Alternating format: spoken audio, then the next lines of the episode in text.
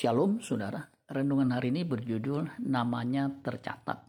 Lukas 16 ayat 19 dan 20. Ada seorang kaya yang selalu berpakaian jubah ungu dan kain halus. Dan setiap hari ia bersukaria dalam kemewahan. Dan ada seorang pengemis bernama Lazarus, badannya penuh dengan borok. Berbaring dekat pintu rumah orang kaya itu. Ada seorang kaya yang namanya tidak disebutkan, ia begitu kaya. Setiap hari hidup bersukaria dalam kemewahan. Berbeda dengan seorang miskin bernama Lazarus. Nama orang miskin ini disebutkan yaitu Lazarus. Lazarus adalah kata Greka atau Yunani untuk Eliezer, bahasa Ibrani.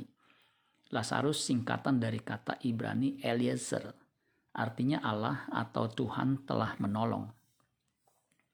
Dalam kisah Lukas 16 ayat 19 sampai 31 ini Alkitab tidak menyebut nama orang kaya itu. Orang kaya itu tidak memperhatikan Lazarus si miskin, si pengemis yang berbaring di depan pintu rumah orang kaya itu. Setelah mereka meninggal, Lazarus dibawa ke pangkuan Abraham dan orang kaya itu ke Hades. Hubungan apa pun tidak mungkin diadakan antara mereka tidak juga ada alasan bagi Abraham untuk mengutus Lazarus kepada saudara-saudara orang kaya itu. Karena mereka telah mempunyai cukup sarana dalam kitab-kitab Musa dan kitab nabi-nabi supaya bertobat. Kisah ini mengajarkan tentang kekayaan yang dapat membutakan orang terhadap kebutuhan sesamanya dan bahwa keputusan yang tidak dapat diubah tentang nasib kita pada zaman kekekalan yang ditetapkan atas dasar hidup kita di dunia ini. Kisah ini tidak mengajarkan bahwa kemiskinan adalah berbahagia dan kekayaan adalah salah. Karena Abraham adalah orang yang kaya raya. Kisah ini menunjukkan nama orang yang diselamatkan akan tercatat di kitab kehidupan. Pastikan nama kita terdaftar di sorga.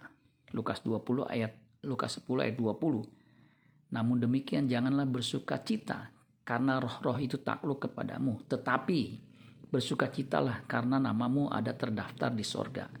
Wahyu 20 ayat 12. Dan aku melihat orang-orang mati, besar dan kecil, berdiri di depan tahta itu.